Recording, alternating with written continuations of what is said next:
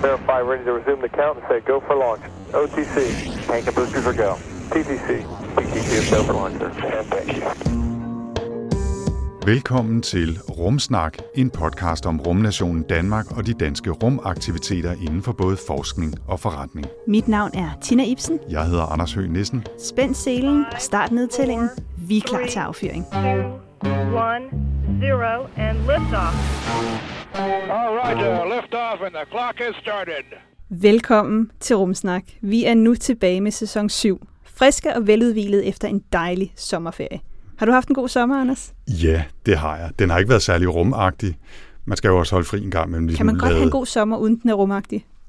Altså rummet er der jo altid, kan man sige. Ikke? Og jeg har også været ude under åben himmel. Mm. Så et eller andet sted har det jo været lidt rumagtigt. Jeg har været på en øh, næsten to ugers tur i Tyskland. Først øh, lidt storbyferie i Dresden, og så ud og vandre syv dage i det, der hedder det saksiske Schweiz. Op og ned og klipper, og med en lille smut ind i Tjekkiet. Og det var hedebølge med fantastisk øh, sans for planlægning. Var det over 30 grader øh, fem ud af de dage, vi vandrede, men det var fantastisk. Det var en super god tur. Og det er godt at høre. Ja, hvad med dig? Jo, jeg har også haft en rigtig dejlig ferie. Faktisk også sådan ikke super øh, rumagtig, men jeg må indrømme, jeg faldt i den 12. juli. Ja, det gjorde jeg altså også. Hvis det er de første billeder fra noget, der hedder James Webb Space Telescope, vi snakker om. Ja, det kunne man godt forestille sig, det var. Ja, da, da, vi, da de udkom der den øh, 12. juli, der sad vi i tog ned gennem Tyskland og havde sådan en sporadisk forbindelse, så jeg kunne ikke sådan mm. rigtig følge med, fordi der er sådan nogle store billeder af de der, jeg kunne selvfølgelig læse artiklerne og sådan, ikke?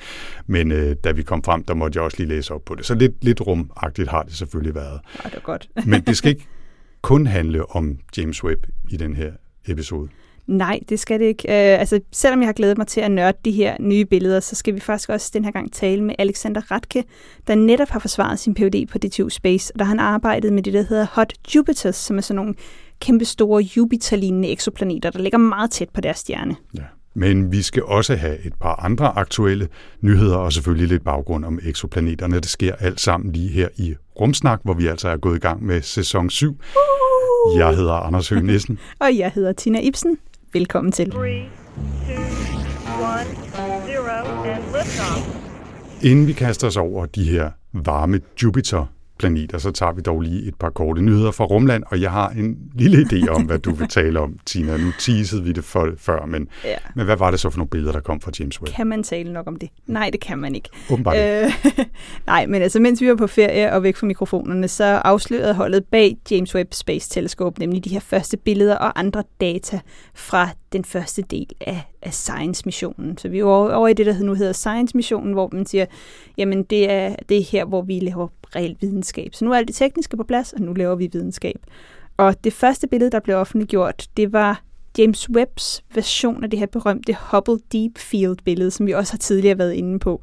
Øh, og her så man den her galaksehob, som øh, meget mundret hedder øh, SMACS, eller MC, S-M-A-C-S, øh, 0723. Det er meget mundret. Det er meget mundret, Ja. ikke? Øh, SMAX 0723, kan vi sige. Øh, og man smugstartede faktisk lidt og afslørede allerede det her dagen før den officielle. Og det var Joe Biden, der endda fik æren af at gøre det. Så der, altså, det var ret vildt. Og nu kommer jeg til at nørde en lille smule om det her billede. Du skal bare give den gas, det er derfor, vi er her. Ja, og det ved jeg, vores lyttere også godt kan lide en gang Ja, imellem. ja. Men kigger vi på det her billede, der var det første, der kom ud, så øh, var det lavet ud af 12,5 timers observation. Så man har simpelthen kigget på et område i 12,5 timer, og så har man sat de her billeder sammen. Så det er sådan en voldsom eksponering, man har lavet. Og det er altså bedre og skarpere end det bedste af Hubbles Ultra Deep Field billeder, som man havde brugt 48 timer på at lave. Altså næsten fire gange så lang tid. Præcis. Ja. Øh, det her billede, hvis man kigger på, hvor meget himlen det dækker, så svarer det til et sandkorn, man holder ud i strakt arm. Så det er det område på himlen, man har kigget på. Altså det svarer jo nærmest til, hvis man kigger på en stjerne. Ja, altså, altså det lille lyspunkt, der er på himlen, når man kigger op, så Ja. zoomer man bare ekstremt kraftigt ind på det i 12,5 timer. ja, med et meget stort øje, som jo er et teleskop, ikke? Ja, præcis. Rum, rum. James Webb-øjet. Ja, okay. Præcis. Men altså, det var så det her, man så, en, øh, man så den her galaksehob, som var den her SMAX 0723, og så så man jo alt det her, der lå udenomkring, øh, som jo er en masse forskellige galakser. Og den ældste galakse, man kunne se i det her billede, var, øh, havde øh, et lys, der var rejst i 13,1 milliarder år. Så det var altså en af de meget tidlige galakser, man så her. Og det er altså bare begyndelsen. Øh, allerede da man lagde det her billede ud, der sagde holdet bag James Webb, at vi har planlagt at lave endnu længere og endnu bedre eksponeringer. Og det er jo simpelthen for, at man kan se endnu svagere lys og kan se de her ældste galakser. Og det er jo netop en af de her store ting, som man skal med James Webb-teleskopet, det er at prøve at kortlægge det meget, meget, meget unge univers, som, som det så ud. Mm. Så det var det første billede. Der var mange, der sagde, det var måske, altså, det er måske det kønneste af alle billeder, men det er pænt sejt. Altså, du, du kan også få mig rimelig højt op ja. i gear over de der billeder af, altså de der deep field billeder, fordi ja. jeg synes, det er så grundlæggende crazy, at man zoomer ind på sådan et lille område, og så ser man ikke bare gamle stjerner, man ser gamle galakser, og hele håndfulde af dem fra for 13 milliarder år siden. Ikke? Det er jo virkelig altså hjerneblæsende vanvittigt, når man tænker over det. Ikke? Jo, også bare perspektiverne, altså ja. for hvad man kan kortlægge, ja. og, og prøv også at tænke på den kan man sige, ingeniørkunst, der skal til for at holde noget stabilt bare så du kan zoome ind på noget, der er så småt. Altså, jeg, nu fortaber jeg mig lige feriehistorie. Ikke? Man kan jo så Kom glæde sig derude over, at jeg ikke kan vise billeder. For ellers så bliver den her øh, episode pludselig dobbelt så lang. Ikke? Men jeg havde købt en lille kikkert, øh, sådan en monokikkert, øh, i stedet for en normal øh, mm. binocular, så det er en monocular, til, til vandreturen, fordi det, det er sjovt sådan at kunne kigge rundt på klipper og træer og fugle og alt muligt andet. Ikke? Og sådan en er jo ekstremt svær at holde stille. Altså bare de der små rystelser ja. i hånden af, at musklen spænder lidt, når man skal holde den op for det ene øje, gør jo, at, at det ryster lidt. Ikke? Så tit må man sådan støtte mod ja, træ, eller hvad der nu lige er ved, ved hånden. Ikke? Og så skulle gøre det samme automatisk. Frit svævende. Frit svævende, halvanden million kilometer væk. Ikke? Altså, det er jo helt vanvittigt. Så i 12 timer oven i købet. 12,5 timer. 12,5 timer oven i købet. Men, Men det var ikke de eneste billeder. Nej, det var der ikke. Altså, selvfølgelig skulle der også de her flotte øh, billeder, der kan komme op og hænge på væggen. Øh, og et af de her flotte og vildt skarpe billeder, der kom ud, det var et billede af Carina-togen, øh, som er sådan en meget kendt øh, stjernetog, hvor der dannes nye stjerner lige nu. Og da man så på kanten af sådan her tog, det var, det var knivskarpt. Det var mm. så lækkert. Også fordi det her er en af de her øh, stjernetoger, som er blevet øh, observeret rigtig mange gange. Så der er også billeder fra Hubble. Så det er meget nemt at sammenligne dem. Og der kunne man altså virkelig også se en forskel her. Så var der et galaksesammenstød, en planetarisk tog, og så et lidt mindre sexet billede, øh, når man kiggede på det, men som jeg faktisk øh, synes var, igen, et af de mest fantastiske også. Mm. Fordi det var faktisk ikke engang et billede, men det var et spektrum af en atmosfære på exoplaneten WASP 96b. Og det vil sige, at når man har et spektrum, så kigger man på lys. Altså det er simpelthen, hvad det er for nogle lysbølger, som man ser. Fordi lys findes jo i mange forskellige bølger, øhm, og man kan dele det op. Så det er ligesom, når man har en prisme derhjemme, så deler man det, vi kalder hvidt lys, op i alle farverne. Så får man regnbuen, ikke? og det er det samme regnbue gør på himlen. Det har man gjort her, så man har simpelthen kigget på, hvad er det for noget lys, der kommer fra den her stjerne, som hedder WASP 96. Og så har man været inde og zoome ind på det lille område, af en eksoplanet, der krydser ind foran denne her stjerne, og så kigger man på, øh, på atmosfæren, så det lys, der rejser fra stjernen igennem atmosfæren, og det har man så kunne lave et spektrum på. Øh, og her vil man så kunne sammenligne det med lyset fra stjernen og sige, hvordan ser lyset fra stjernen ud? Og hvordan ser lyset ud, der har været igennem den her atmosfære ud? Fordi så kan vi se noget om, om der er vanddamp, eller hvad der er i den her atmosfære prøv lige at tænke at gøre det. Ja. Det er jo fuldstændig sindssygt. Altså, og det er, der går vi ind på den anden af de her store ting, som man skal med James Webb-teleskopet, nemlig prøve at kigge på atmosfære øh, på eksoplaneter. Så det var tidlige universer, galakser og eksoplaneter, som er den anden. Så det er sådan de her to øh, store missionsmål, der har været, som man viste lidt på øh, mm. allerede. Og altså, der bliver jo bare ved med at komme guf. Altså, det var de første den første omgang. Ikke? Øh, senere kom der et infrarødt øh, billede af Jupiter, hvor man også kunne se månen Europa. Øh, og hvis man altså har lyst til at se mere, så er der løbende ting, der kommer på ja. teleskopets hjemmeside. Vi linker også til, til nogle af de første billeder, og også ja. nogle, der, der lige er kommet. Øh, og så skal vores øh, snak med Alexander jo lige om lidt jo handle om noget af det samme. Netop, så det var sådan meget øh, apropos øh, ja, det må man noget sige. af det, som, øh, ja. som der var sket. Det kunne, jeg kunne faktisk godt, nu havde vi vores snak med Alexander godt nok inden sommerferien, jeg kunne godt mistænke ham lidt for faktisk at have lidt insiderviden om, det skete her. Han afslørede ikke noget. Men jeg Men- tror også, han vidste noget. Det tror jeg helt tror jeg. sikkert. Ja. Men, øh, men det var så min super ultra kort beskrivelse af de her billeder, Anders. Ja, altså, og jeg, i virkeligheden så overvejede jeg lidt, om vi bare skulle have ryddet nyhedsbloggen til, kun til James Webb øh, i den her omgang. Men øh, selvom jeg ikke rigtig har arbejdet, jeg har faktisk holdt sommerferie, så er det jo svært ikke at holde øje med, hvad der sker. Jeg vil lige nævne en halvanden nyhed, øh, som ikke har med James Webb at gøre, bare sådan for okay, variationens så tager vi skyld. lidt andet også. Det er også spændende. Og så alligevel, fordi øh, der er faktisk lige her i talende stund øh, i dag kommet flere nye billeder fra James Webb, blandt andet det, man kalder The Cartwheel Galaxy, mm. løst oversat øh, karusel eller værmølle. Jeg tror, man Øh, kalder den kausel galaksen. øh, galaksen, faktisk, ikke, som ja. ligger cirka 500 lysår borte, og den ligner faktisk en karusel. Mm. Og det ser helt vildt ud, det er et helt fantastisk billede. Øh, Så jeg har ikke noget klogt at sige om det andet, end at holde øje med, hvad der kommer af billeder fra James Webb, fordi det er, altså om ikke andet visuelt fantastisk at se på, også selvom man ikke forstår den dybe videnskab. Der er bag. til øh, screenshot og øh, låseskærme og Ja, så videre er i mange år frem. Sikkert, ja, det er helt sikkert. Men en anden nyhed, vi lige skal have med, øh, det handler om rumskrot, øh, fordi det har der også været meget fokus på her i øh, sommer med rumskrot, satellitter og risikoen for at få gammelt øh, rumudstyr i hovedet. Mm. Ikke? Tidligere på året, der talte vi en del om det stykke rumskrot, der styrtede ned på månen, og som nogen først hævdede kom fra SpaceX, men som med ret stor sikkerhed kommer fra en kinesisk øh, raket. Og nu er kinesisk udstyr igen på spil.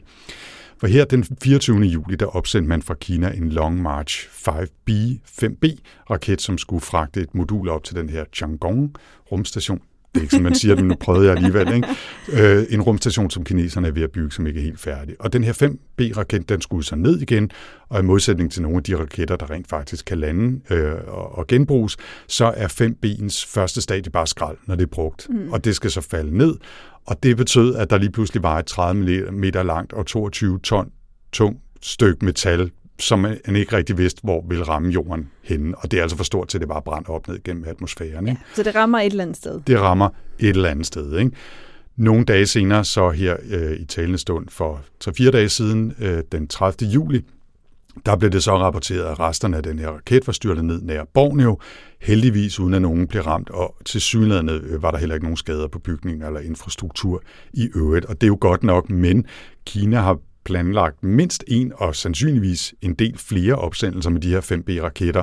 Og hvis de ikke er villige til, som de åbenbart ikke har været i den her sammenhæng, til at dele deres egne projektioner af, hvor de her øh, brugte raketter styrter ned, så kan man godt være lidt bekymret for, hvad der skal ske. Ikke? Ja, man er glad for, at man ikke... nød- Altså, vi er jo for langt nord til at være i linje, altså, tænker jeg, med, med rumstationen, hvor den ligger, ikke? Øh, det skal vi være glade for. Ja, Jeg tror, man skal være glad for også, at dernede, hvis man bor dernede, at der er en masse vand, trods Ja. alt, det kan styrte ned på. Men, ikke? men det, er jo, det er jo et kæmpe problem. Altså, er et og, kæmpe og problem. det er jo også, nu har vi været inde på det før, altså, hvordan stiller man Kina til ansvar? Altså, hvis det nu var styrtet ned i et eller andet, ødelagt nogen, dræbt nogle mennesker, mm. altså, det, det kan jo være øh, ret alvorligt.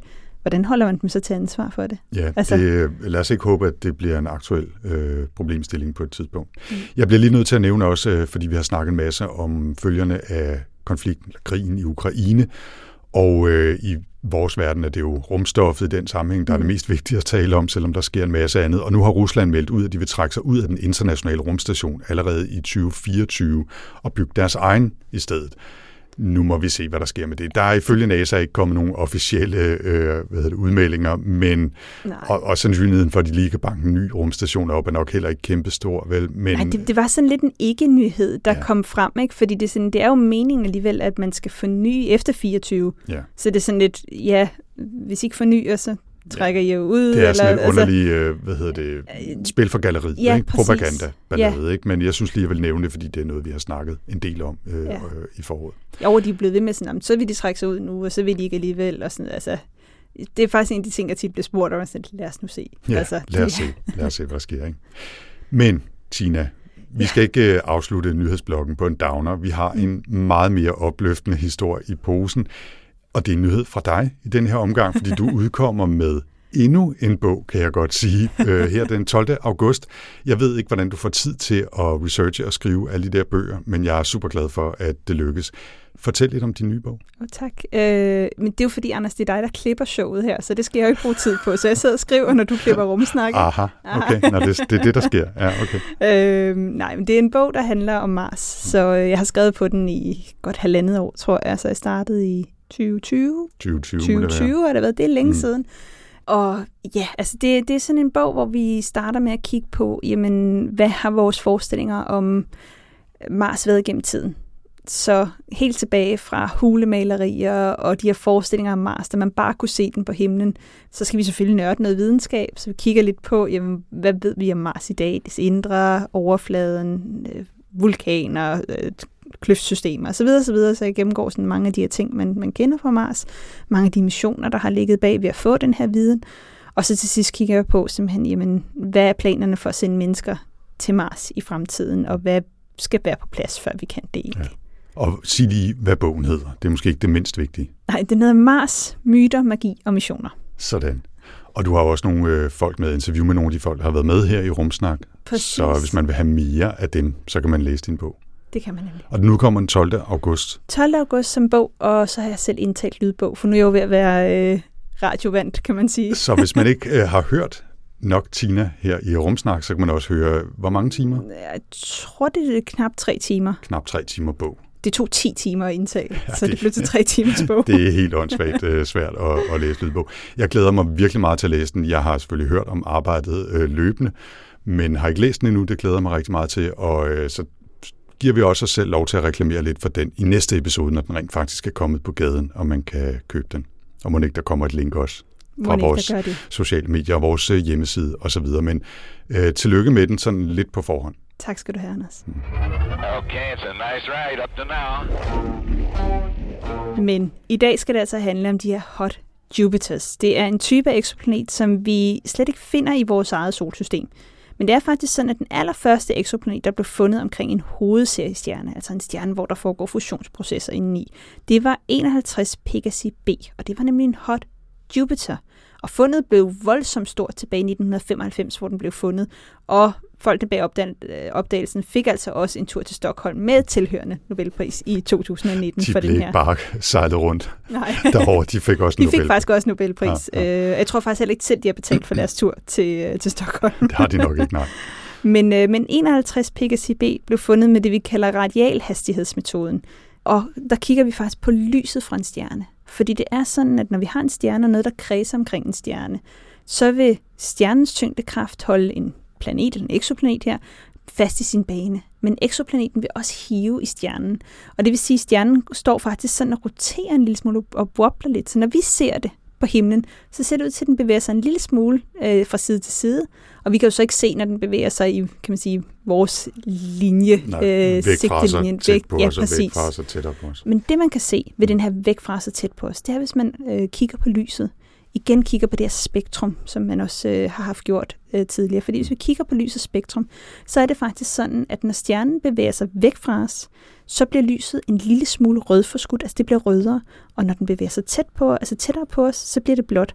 Så det, man vil se på det her spektrum, det er, at den bliver rød, blå, rød, blå, rød, blå. Og det er, så, altså det er nærmest ingenting, så det er ikke noget, man kan se med det blotte øje. Man skal simpelthen lave det her øh, spektrum Det er ikke sådan en øh, amerikansk politibil, der står og blinker i Nej. rødt og blåt hele Men tiden. faktisk sjovt, du siger, fordi det kalder vi Doppler-effekten. Og det kender vi faktisk fra udrykningsfartøjer, bare med lyd, når de kører forbi. Fordi der hører man også det samme. Der er det det der, altså, hvor lyden forvrænges, når de kører forbi. Øh, og det er simpelthen fordi igen, lydbølgerne først presses sammen, og så trækkes de ud. Så presses sammen, når de kører tæt på os, og trækkes ud, når de kører længere fra os. Så mm. der kan man opleve Doppler-effekten med lyd, men det er det samme, der sker med lyset. Ja. Så, så det er altså den her indirekte metode, som, øh, som man brugte dengang til Ja. at finde den her eksponent. Ja, og det er jo noget, vi har talt om også, som du nævnte i tidligere episoder af Rumsnak. Vi skal nok linke til et par af dem, hvor vi også har talt om, om exoplaneter. Og de er, de er jo indirekte. Mm. Men nu har man jo så fået et instrument, som det er meget svært at slippe udenom, åbenbart i den her episode af, også den her episode af Rumsnak, nemlig øh, noget nyt legetøj, der hedder James Webb Space Telescope, fordi udover at kigge dybt tilbage i universet og tage nogle meget pæne billeder mm. af øh, karusel-galakser og hvad har vi, så kan James Webb altså også hjælpe os med at få en dybere forståelse af eksoplaneter. Ja, yeah, og til at fortælle os lidt om det arbejde, som forskere har gjort for at forberede sig til de her nye data fra James Webb Space Telescope, der har vi talt med Alexander Ratke, som netop har forsvaret sin Ph.D. på D2 Space. Og det skal lige siges, at vi talte med Alexander lige inden vi gik på rumsnak, sommerferie. Mm. Alexander er her til sommer rejst over til Harvard for at fortsætte sin øh, forskningskarriere, men vi nåede altså at få ham i studiet, inden han drog afsted, men altså også lige inden James Webb-billederne blev offentliggjort den 12. juli, og det skal man så lige have i baghovedet, når man lytter til interviewet her med Alexander. 5, 4, 3, 2, 1, 0, and liftoff. Så jeg hedder Alexander Ratke. Øhm, Jeg har lige færdiggjort en Ph.D. ude på DTU Space, og jeg- der har jeg arbejdet med eksoplaneter, planeter omkring andre stjerner. Øhm, Inden jeg var derude på DTU, så har jeg været fem år på Københavns Universitet og læst fysik der. Så det er i korte træk min vej, øh, hvor jeg er i dag. Ja, du har jo netop, som du siger, lige forsvaret din Ph.D., øh, hvor du har arbejdet med de her eksoplaneter. Hvad gik dit projekt ud på? Ja, sådan, sådan, hvad skal man sige, et helt overordnet tema, det er at kigge på deres atmosfære, det lag af luft, de her planeter har omkring sig. Øhm, der er rigtig meget information, viser det sig, i omkring de her planeter, i at kigge på deres atmosfære, så vi kan lære meget mere om de her planeter, hvis vi begynder at undersøge atmosfærerne. Så det har været et overordnet tema. Øhm, så har jeg kigget på nogle forskellige øh, planeter og deres atmosfære i løbet af de sidste ja, tre år, ved at bruge store øh, teleskoper. Hovedsageligt har jeg brugt data fra Hubble-rumteleskopet, øhm, som indtil nu i hvert fald har været det klart bedste teleskop, vi har haft til at undersøge de her øh, planeters atmosfære. Og måske skal du lige så fortælle, vi har været inde over eksoplaneter et par gange her i Rumsnak, men hvordan i alverden kan man et observere eksoplaneter og to observere deres atmosfære? Ja, så det første skridt er selvfølgelig, at vi skal finde dem. Og det i sig selv er faktisk rigtig svært. Det er jo øh, tusind, øh, tusind år gammelt spørgsmål eller spekulationer, der er planeter omkring andre stjerner. Men det er kun i 95, vi opdagede den første eksoplanet omkring en stjerne, ligesom solen. Øh, men i dag, nu er vi blevet rigtig, rigtig gode til at finde de her planeter, kender vi over 5 til over 5.000 planeter. Så det har faktisk været en eksponentiel vækst i, hvor mange planeter vi kender til. Og vi har efterhånden en række teknikker til at finde de her planeter. Den mest brugte teknik, det er den, der hedder transitmetoden. Så når en planet passerer ind foran sin stjerne, set for os, jamen så vil den skygge for noget af lyset. Det er ligesom, når vi har en måneformørkelse, så får vi øh, skygge for lyset. Det samme gør vi, vi kigger på en stjerne, passerer planeten for, ind foran, jamen så skygger den for noget lyset. Og så kan vi altså se, at der er et eller andet, der blokerer der. Og sker det så periodisk, svarende til hver gang planeten når en hele, vej, ja, hele vejen rundt om sin stjerne, jamen så kan vi regne ud, at der er en planet der. Øhm, Så det er en af de metoder, vi har. Men det er den, vi har brugt til at finde cirka 4 af de 5.000 øh, planeter, vi kender til. Og øh, deres atmosfære, det er så det næste skridt. Skal man sige, det, det er en lille smule sværere at komme ned til det. Altså i, i virkeligheden så er det svært nok at finde de her planeter. Øhm, og at kigge på deres atmosfære kræver så, at vi går et skridt dybere. Så der er også her nogle forskellige teknikker, men den mest brugte, og den som jeg har beskæftiget mig med, den hedder transmissionsspektroskopi.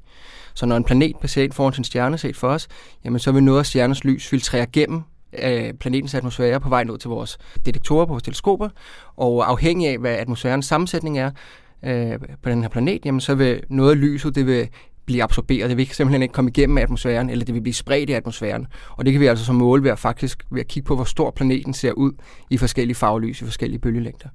Um, så på den måde kan vi få en idé om, hvad, hvad atmosfæresammensætningen er på de her planeter.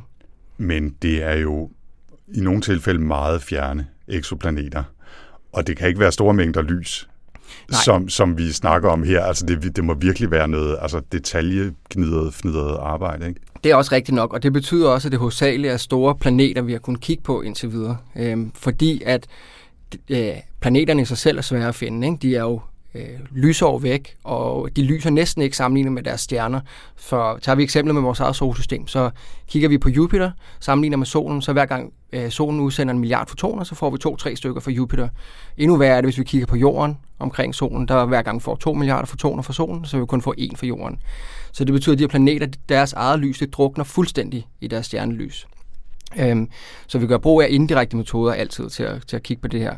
Og øh, det betyder så også, i og med at vi ikke kan se de her planeter direkte, så udover bare at finde dem, så at kigge på deres atmosfære kræver så netop, at vi går helt ned i de, altså vi er lige over støjniveauet, ikke, for at kunne se det. Og det betyder også, at vi hovedsageligt indtil videre i hvert fald kun at kunne kigge på rigtig, rigtig store gas, øh, gasplaneter. Øhm, netop fordi, at hvis vi gerne vil kigge på atmosfæren på en planet, der minder om jorden, en mindre planet, så er der simpelthen ikke, øh, der er ikke nok signal, vi får. Det bliver fuldstændig begravet i, i støjen fra stjernen, og instrumentet i virkeligheden også, vi bruger til at observere med. Og, du har jo så arbejdet, som du også selv har været lidt inde på, nogle af de her store planeter. Øh, særligt øh, har du arbejdet med den her exoplanet øh, WASP 79b, som mm. er sådan en hot Jupiter-planet. Øh, vil du ikke fortælle lidt om, om det studie, du lavede der, øh, og hvad du fandt ud af? Jo, det kan du tro, jeg vil. Så først og fremmest så var vi heldige nok til at få noget tid på Hubble-rumteleskopet, som er det bedste teleskop, vi har haft indtil videre til at kigge på de her øh, atmosfærer. Og øh, WASP 79 er, som du selv siger, sådan en hot Jupiter, så det er en planet ligesom Jupiter, bare meget varmere, fordi den kredser ekstremt tæt på sin stjerne. Øh, lidt mere end fire dage tager det, for den at komme hele vejen rundt om sin stjerne. Så den er et eller andet sted mellem 1500 og 2000 grader varm. Så har vi brugt alle Hubbles virkelighedens instrumenter, så det vil sige, at vi har lys helt ud fra det ultraviolette, igennem det optiske lys, øh, og helt ud i det infrarøde. Og øh, jeg har hovedsageligt fokuseret på, det, på den optiske del, altså det, som vores egne øjne normalt kan se. Øhm, og særligt i det her øh, bølgelængde område, øhm, der er der normalt øh, nogle forskellige øh, skal man sige, komponenter af atmosfæren, vi kan prøve at kigge efter. Så det første, man normalt gør, det er, at man leder efter, um, hvad hedder det på dansk, øh, natrium og kalium. det er så vant til alt. ja. øhm, ja, øh, det viser, det var der ikke rigtigt. Øh, til gengæld så så vi noget, der var lidt mærkeligt, som ikke rigtig var observeret før i en anden, i en anden atmosfære, og det var, at øh, planeten så ud til at, at, at blive større, jo længere ud vi kom mod det infrarøde. Øhm, så vi fik ligesom sådan en, øh, en slope igennem vores spektrum. Det kan man godt forklare, hvis det var vendt den anden vej, fordi så har hvis du har noget spredning i atmosfæren, øh, lidt ligesom vi har vores blå himmel her på grund af Rayleigh-spredning, øh, så det kan vi sagtens forklare, men den anden vej her, den var meget mærkelig. Og de modeller, vi normalt bruger til at forklare de her øh, atmosfærer og deres sammensætning, så de kunne ikke beskrive det, det, det, det svar, vi fik. Så vi skulle gå lidt i tænkeboksen og finde ud af, jamen, hvad er det i virkeligheden, vi ser her? Så det gav os hovedpine i, øh, i lang tid. Øh, nu skal jeg sige, at det er jo ikke noget arbejde, jeg lavede helt selv det her. Det er jo en stor øh, sammenslutning af, af folk, og alle folk har deres eget små spidskompetenceområder og sådan noget. Så var der en, der fik en god idé, men det kan være i virkeligheden, at det vi ser i vores spektrum her ikke stammer hovedsageligt fra planetens atmosfære, men fra, fra stjernen selv. Så det er en stor støjkilde normalt også, at øh, stjerner de har selvfølgelig de her pletter, solpletter øh, øh på overfladen, øh, afhængig af hvor aktiv det lige er sådan. Øh, men så vi fandt ud af, at hvis, hvis den her stjerne den havde nogle områder på sin overflade, som var varmere end resten af stjernen, jamen så kunne det faktisk beskrive den her, den her slope, vi så. Så da vi inkorporerede det i vores modeller, jamen så fik vi et rigtig godt fit til vores data, og vi kunne fjerne det, og så det vi havde tilbage, det var, at vi så i hvert fald, der er vand i atmosfæren på den her planet. Og udover det, så så vi, at der er en øh, hydrogen, øh, sandsynligvis hydrogenioner, altså øh, brint, der er, der er hvad hedder det, blevet øh, fotodissocieret, så lyset simpelthen øh, skudt elektronen ud af det her brint her, mm. øh, så vi får en ion. Så det, øh, det var faktisk første gang, at det blev set. Øh, og jeg var sådan lidt, det her var også min første videnskabelige artikel, og ingen har set noget lignende, så, så var jeg altid sådan lidt, uh, har jeg lavet et eller andet forkert. Øh, men sidenhen er der faktisk kommet nu i hvert fald to, tror også tre øh, andre øh, planeter, hvor de har observeret det her samme øh, tendens her. Så det giver mig lidt mere selvtillid på, at vi har fundet ud af et eller andet. Så det rigtig nye, det var i virkeligheden øh, WASP 79B's øh, atmosfæres sammensætning. Øhm, ja, så altså selve sammensætningen, det her med, at vi ser brintioner, det var en af, jeg tror, hvis vi ikke var de første, var vi en af de allerførste, der påstod, at vi, at vi så det. Jeg skal sige, at i og med, at signalerne her er så små, så er det altid sådan, at man kan, man kan komme med noget, og så nogen bruger et andet teleskop og siger, ah, det, det passer ikke helt med, hvad vi så før, ikke? så man gerne bygge noget evidens op over tid og sådan noget. Så det var lidt et forsigtigt øh, claim, vi kom med her. Øhm. Måske kan det være, hvis vi kniber øjnene lidt sammen, så ser vi det her, men Præcis. Jamen, vi er meget forsigtige med at påstå noget. Og sådan ja, er det helt okay. generelt, synes jeg, i videnskab, at vi, vi presser virkelig instrumenterne til det yderste. Ikke? Så det er ofte, at folk de øh, laver, kommer med et eller andet resultat. Gerne dem, der kommer i, i præcisefylde øh, øh, tidsskrifter, Nature osv. Øh, det er gerne dem, der presser det til aller, aller yderste. Ikke? Og så kommer der en masse bagefter og prøver at genanalysere den samme data bruge andre teleskoper, og så rigtig mange af dem finder ud af, at ah, det, det passer måske ikke i sidste ende. Øhm, men det synes jeg også er noget af det, der er spændende, ikke? at være helt fremme med fronten og virkelig lige akkurat kunne sige noget med en, med, med en lille smule signifikans, og så må vi se, om det holder, når andre folk begynder også at kigge, øh, kigge nærmere på det. Og det gjorde det så i jeres tilfælde? Eller ja. ser det i hvert fald ud til i, i to-tre tilfælde, tror jeg, du nævnte, ikke? At, at øh, der er andre, der har bekræftet noget tilsvarende? Ja, for det er så for andre planeter. Men, men når du begynder at se tendenser, trends og sådan noget, så plejer det også at være en meget god indikator på, at der sker et eller andet. Så det er stadig et åbent spørgsmål lidt. Nu har vi kommet med en mulig forklaring på det her. Det er stadig et åbent spørgsmål, om det virkelig er det, der foregår. Eller om der er et eller andet, vi mangler i virkeligheden i vores modeller til at forklare de her resultater. Så det er noget det, vi forhåbentlig finder ud af i, i den nærmeste fremtid. Det er jo tit, når vi, når vi kigger på eksoplaneter og hører om eksoplaneter, så er det jo altid, at vi skal finde jorden 2.0, og er der liv derude. Men hvorfor synes du, det er interessant at prøve at kigge på sådan de der brede planeter, og ikke bare kigge på led efter jorden 2.0, men kigge på en hot Jupiter-planet, hvor jeg mm-hmm. tænker, at livet er rimelig udelukket, at det kan eksistere der? Ja, hvis vi er oppe i omkring 2.000 Kelvin, så er det ikke så gode forudsætninger for biologi, sandsynligvis. Jamen, det er et rigtig godt spørgsmål. Det er faktisk et spørgsmål, jeg får rigtig mange gange. Så en ting i hvert fald, det er, at øh, de her planeter, de laver de klart kraftigste øh, signaler. Så vi har ikke haft mulighed for at kigge på atmosfæren på planeter som Jorden. Vi kan kun lige faktisk begynde at, at, at finde planeter på størrelse med Jorden. Så en ting er, at her har vi rent faktisk en chance for at kunne sige noget. Ikke? Mm. Så det er helt klart en motivator. Noget andet er, at øhm, så de her hot Jupiters, da den første blev fundet i 1995, der er de modeller eller teorier, vi havde for, hvordan planeter de blev dannet og udviklet sig, de havde ikke forudset, øh, at de her hot Jupiters vil eksistere. Så det tyder på, at der er et eller andet i vores teorier der, som ikke er helt som det skal være. Vi mangler et eller andet, ikke? fordi uanset hvordan du propper det ind, så vil de aldrig producere vores teorier, øh, de her hot Jupiter-planeter. Så derfor så skulle vi, øh, vi er nødt til at lave lidt om på de her modeller. Så det er en ting. Øh, vi mangler en eller anden stor del, og hvis vi kan finde ud af, hvad det er, og proppe det ind i vores modeller, så de også kan lave de her hot Jupiter som outcome, jamen så har vi måske en bedre, en mere fuldendt beskrivelse af, hvordan planeter bliver dannet. Så vi lærer noget om de her hot Jupiters, men samtidig ligesom det her manglende input i vores modeller i virkeligheden, kan i sidste ende også begynde at fortælle os noget om vores eget solsystem, vores egen typer planeter, øh, hvordan planeter bliver dannet og, og udvikler sig i det hele taget. Ja, så Alexander, vi har haft de sidste halve år i hvert fald, har jeg jo talt meget om det nye rumlegetøj, James Webb Space Telescope, og været meget begejstret. Men jeg vil sige, at jeg tror faktisk, at øh, lige nu sidder vi i studiet med en, der er endnu mere begejstret end jeg er. Og det er nemlig Alexander. Fordi du har jo som en af de få danskere faktisk fået tid på James Webb Space Telescope til at lave observationer. Ja, ja jeg har været heldig. Det er ret fedt. Vil du ikke fortælle lidt om, øh, hvordan skete det, og hvad er det, du skal observere? Ja, men ligesom med alle de andre teleskoper, så fungerer det på samme måde. Man sidder og snakker lidt med kollegaer, og så siger man, at det kunne være fedt at prøve at undersøge det her spørgsmål, eller kigge på det her eller det her. Øhm, så for mig, der er det ultimative spørgsmål i eksplanetvidenskab, det er at begynde at svare på, er vi alene? Er der liv andre steder? Og det bedste sted at starte med at lede efter liv andre steder, det er selvfølgelig steder, som der minder om, om vores egen planet her på Jorden. Der ved vi i hvert fald, at liv kan eksistere. Ikke? Der har vi i hvert fald et datapunkt. så James Webb-teleskopet her, det lover for første gang, at vi kan i stedet for at kigge på de her store gasplaneter, så kan vi begynde at kigge på de her små planeter på størrelse med Jorden og deres atmosfære. Øhm, så det var, det var ligesom som sige, første ordens ting, vi gerne ville. Vi ville gerne kigge på en lille planet og dens atmosfære. Så kiggede, kiggede vi på alle de små planeter, der, der eksisterede i virkeligheden. Der er ikke særlig mange. Der er stadig nogle krav, der skal opfyldes, for at selv James Webb, selvom det er så stort og, og alt, alt, hvad det kan, så er det kun en meget, meget lille samling af planeter på størrelse med jorden, vi kan kigge på. Øh, jeg tjekkede lige her øh, forleden, og det er cirka det er lige lidt over 20 planeter, som opfylder de krav, hvor vi har en reel chance for at kigge på atmosfæren. Så det kræver et, at øh, de skal være tæt på os her. Øh, så det er planeter inden for øh, måske 15-20 parsec, eller hvad så er det til, 40-50 lysår, noget i den dur. Derudover så skal de helst kræve som meget små stjerner. Hvor meget signal vi får, det afhænger direkte af, hvor stor planeten er i forhold til den stjerne. Så har vi en lille stjerne, så bliver signalet, vi kigger på, det bliver større. Så det skal være små stjerner tæt på, og så skal det selvfølgelig være planeter på størrelse med jorden. Så der er, der er cirka 25, og øh, af de 25, der er her i et første første år af James Webbs observationer, så cirka 20 af de 25 kommer folk til at kigge på. Så jeg er ikke den eneste, der har fået den her idé, at de små planeter er interessante. Vi har så lavet en ansøgning, og vi var så selvfølgelig heldige at få tiden på den planet, der hedder TRAPPIST-1c. Så den her planet, den kommer i et uh, planetsystem, der hedder TRAPPIST-1, og uh, et helt unikt planetsystem i virkeligheden på mange måder. Først så har det syv planeter. Alle planeterne er mere eller mindre jordstørrelse, øh, jordmasse.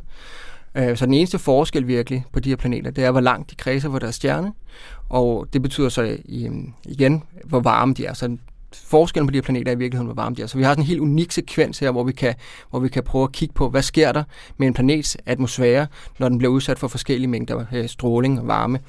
Øhm, så TRAPPIST-1c, vi nummererer planeter B, C, D og derudad, det er så den næst tætteste af de her syv planeter i det her system. Så den får cirka lige så meget lys, som øh, Venus gør i vores eget solsystem. Så det er også ligesom det udgangspunkt, vi tog, at øh, her har vi Venus 2,0. Ikke? Øhm, så øh, vi satte os ned, og så prøvede vi at finde ud af, hvis den har en atmosfære som Venus, kan vi så overhovedet se noget med James Webb-teleskopet. Øh, det viser, at det kunne vi godt. Vi skal, vi skal bruge 25 timer på teleskopet. Hvis den så, så har en atmosfære, der er domineret af CO2, øh, så kan vi rent faktisk se CO2 i den her atmosfære. Så et af de første spørgsmål, vi gerne vil svare på med de små planeter her, det er, kan de overhovedet holde på en atmosfære, når de kredser omkring de her små stjerner? Øh, fordi de er lidt anderledes end, end vores egen stjerne, solen, øh, i og med, at de er meget mere aktive, de har meget mere sådan udbrud, og så har de, når, når stjerner bliver dannet, så, øh, så går der lige lidt tid, før de falder til ro, og øh, de her små stjerner, de bruger meget længere tid på den her pre-main sequence øh, øh fase, som vi kalder det. Og der er de meget mere aktive, de udskyder meget mere røntgen og øh, meget højenergisk øh, stråling, og det har en tendens til at ødelægge atmosfæren. Øh, det blæser den simpelthen bare væk. Ikke? Øh, så kan de holde på en atmosfære, og hvis de, hvis de får den blæst væk til at starte med, kan de så måske danne en efterfølgende ved at vulkaner og så videre, sprøjte ting og sager ud. Øhm, så det allerførste spørgsmål, det er, kan, kan planeter på størrelse med jorden omkring de her små stjerner, m kan de holde på en atmosfære? Det er skridt nummer et. Og øh, der synes vi, at Trappist 1C det var det absolut bedste mål for det her, for CO2 er faktisk det letteste molekyle at, at detektere. Så derfor så starter vi der. Og nogle andre, der starter på nogle af de andre planeter. Alle planeterne i det her Trappist-system kommer faktisk til at blive, øh, blive kigget på i det, i det første år. Um, så 25 timer kommer vi til at kigge for at se, om der er først og fremmest CO2. Vi vil også kunne se, hvis der er vand eller metan. Men øh, det er jo CO2, det er CO2 vi mest satser på at kunne se her. Så du og vi glæder os til, til I får data fra, fra Travis 1C, men hvornår kommer det til at ske? Ja, så lige mine observationer for Travis 1C, de ligger faktisk mod slutningen af det første års observationer. Øhm, så jeg får dem til, det er oktober og november næste år. Så jeg skal lige, jeg skal lige væbne mig lidt med tålmodighed. øh, på nogle måder er det okay. Så kan man sidde og raffinere lidt sin dataanalyse, øh, kode og så videre, ikke? og gøre sig lidt klar til det, og lade nogle andre være testkaninerne først. øh, men der kommer faktisk nogle af de aller, aller første observationer, øh, James Webb kommer til at lave, er Trappist-systemet. Ja. Øh, så vi kommer til at lære noget. Ja, altså folk kommer nok til at være hurtige på aftrækkeren, så allerede om en måned eller to, så tror jeg, vi øh, begynder at se nogle resultater, der kommer ud. Ja. Og ellers så skal vi, skal vi nok holde et rumsnakslot til, når I har fået jeres. Så vi vil gerne høre om det igen. Det lyder fedt. Det ja. vil jeg meget gerne. Men Alexander, nu, øh, nu skal du så gå og vente et ja. øh, hvad, små halvanden år øh, på at få dine data her. Hvad er så det næste for dig? Du har lige forsvaret din PhD. Du har noget James Webb om, øh, om godt et år. Mm-hmm. Hvad i mellemtiden? Ja, men øh, jeg har været så heldig, at jeg lige skal et smut til, til USA, så jeg tager til Boston, til Harvard og Smithsonian Center for Astrophysics. Um, så en af dem, jeg har samarbejdet meget med i løbet af min, uh, i løbet af min PhD, hun er derovre, så hende skal jeg over arbejde med. Øhm, hun er også dybt involveret i andre James Webb-programmer, så jeg kommer til at skulle sidde, både at være med til at udvikle sådan noget pipeline, så vi i virkeligheden er klar til at kigge på dataen. Øhm, det er noget af det, jeg specialiserer mig i i virkeligheden, det er at, øh, at være god til at øh, tage dataen og så få det resultat ud, vi gerne vil, og fjerne alt det overflødige. Øhm, så der kommer jeg til at hjælpe øh, en stor del med det, og nok også være involveret i nogle af de programmer, hun har. Øhm, så har vi stadig lidt data tilbage på nogle af de her hot Jupiters, øhm, som vi også gerne lige skulle nå at kigge på, inden det kun bliver små planeter. Jeg vil faktisk sige, at øhm, øh, at selvom vi nu begynder at kunne kigge på små planeter, så er der masser af store planeter, der bliver kigget på med James Webb også. Der er 56 planeter i det første år, og over halvdelen af dem, 29 eller 30, af de her hot Jupiter-type planeter. Så dem, der arbejder med eksoplaneter, de vil gerne stadig kigge på de, på de store planeter. Jeg tror måske også, det er lidt et spørgsmål om, at de arbejder med dem i mange år, og så der har været en tendens de senere år, og det gælder så åbenbart for hele astrofysik, har fundet ud af, at artikler de har en tendens til at slutte med, at men når James Webb kommer, så kan vi svare på. Ikke? øh, så nu får de lov til at endelig at svare på de her spørgsmål, de har glædet sig til. Jamen, og nu har jeg endelig fået lov til at nørde det igennem ja, det, med en af vores gæster. Uh, tusind tak, fordi jeg fik lov til det, Alexander. Selvfølgelig. Tak, fordi jeg måtte komme. Selvfølgelig. Okay, it's a nice ride up to now. Og det fortalte altså her Alexander Ratke. Og Anders, mm. nu vil jeg næsten mene, at vi for en gang skyld har talt nok om James Webb Space Telescope, men også, altså, også kun næsten. Du vil ikke udelukke, at det dukker op igen næste gang? Jeg, jeg vil ikke udelukke, at, øh, at det kan være, at øh, der kommer lidt mere om James Webb øh, i senere i den her sæson, eller måske hver episode af den her sæson. måske nok snarere, og det glæder jeg mig til. Men Tina, nu er jeg jo øh, den nysgerrige amatør her, og som øh, en, der også er lidt over i Techland, så kunne jeg ikke lade være med at spørge Alexander om noget af det arbejde, han laver med data.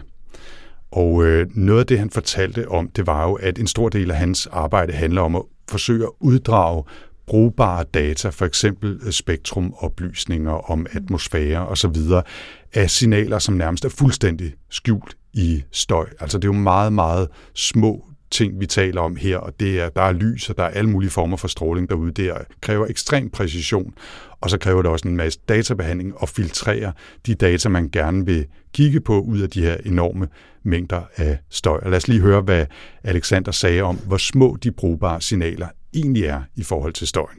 Så en ting er selvfølgelig fotonstøj, altså fundamental støj, som vi ikke kan gøre noget ved. Vi kan kigge i længere tid, eller vi kan bygge større teleskoper. Øh, men det instrumentelle støj i høj grad, det er gerne 100, i hvert fald 10 gange større, end det signal, vi prøver at trække ud. Så det er det, vi skal prøve at fjerne. Øhm, så det er der, vi prøver, det er virkelig der, jeg har brugt største del af min tid, prøve at udvikle nogle metoder, bruge machine learning osv. osv. Øh, til at fjerne det her øh, signal. Så det er alt det, vi prøver, øh, prøver at fjerne. Og da vi havde hørt øh, Alexander fortælle om det, så kunne jeg ikke lade være med at prøve det her med at lave en illustration af det. For selvom jeg teknisk set har ferie i dag, så er det også lidt hyggeligt at nørde med. Så her er først en lille lydbid. Velkommen til Rumsnak. Og her er så den samme lydbid, men skjult i 100 gange støj. Og lad os lige tage dem en gang til. Først den rene bid. Velkommen til Rumsnak. Og her den samme bid, skjult i støj. Og det kan måske give et lille indtryk af de udfordringer, som Alexander og hans kolleger står overfor og hvad man bruger det meste af sin tid som astrofysiker på at beskæftige sig med. Ja, og åbenbart også som podcastproducent. og med det er Rumsnak landet for denne gang, og sæson 7 er nu officielt i gang. Ja, og øh, vi er lige landet fra ferien, så øh, vi er faktisk stadig i gang med at planlægge de næste episoder, så vi ved ikke helt, hvad der kommer til at ske næste gang. Så men øh, hvis der er nogen øh, derude, der har nogle ønsker eller idéer til emner eller personer, som vi kan rumsnakke med eller om, så øh, send endelig en mail til os, øh, og man kan se alle oplysninger inde på vores hjemmeside rumsnak.dk. Ja, og hvis man ellers gerne vil have mere rumsnak, nyheder og små rumfakta osv., så, så kan man finde os på Facebook, hvor vi har vores egen side, og også på Instagram. Og vi har også en lille butik stadigvæk med rumsnak merchandise, som du finder via rumsnak.dk. Der er stadig funky termokopper og lækre notesbøger til salg, hvis du gerne sådan vil flashe til dine venner, at du lytter rumsnak. Og hvem ved det ikke det? Og hvem ved ikke det, Husk også at tjekke show notes til podcasten, hvor vi linker til mere information om dagens emner. Der er jo selvfølgelig også link til de flotte billeder fra James Webb Space Telescope. Har man spørgsmål eller kommentarer, så kan man altid skrive til os på Twitter med hashtagget rumsnak. Man kan også skrive til mig. Jeg findes på at tina Ibsen. Og jeg hedder Anders, stadig 4ND3RS på Twitter. Vi tager altid meget gerne imod input og idéer. Husk også, hvis du synes, det har været spændende at lytte til Rumsnak, så er du meget velkommen til at dele med familie, venner og andre rumnørder derude. Rumsnak er støttet af Novo Nordisk Fonden og bliver produceret af Potlab. Jeg hedder Anders Høgh Nissen. Og jeg hedder Tina Ibsen. Tak for denne gang.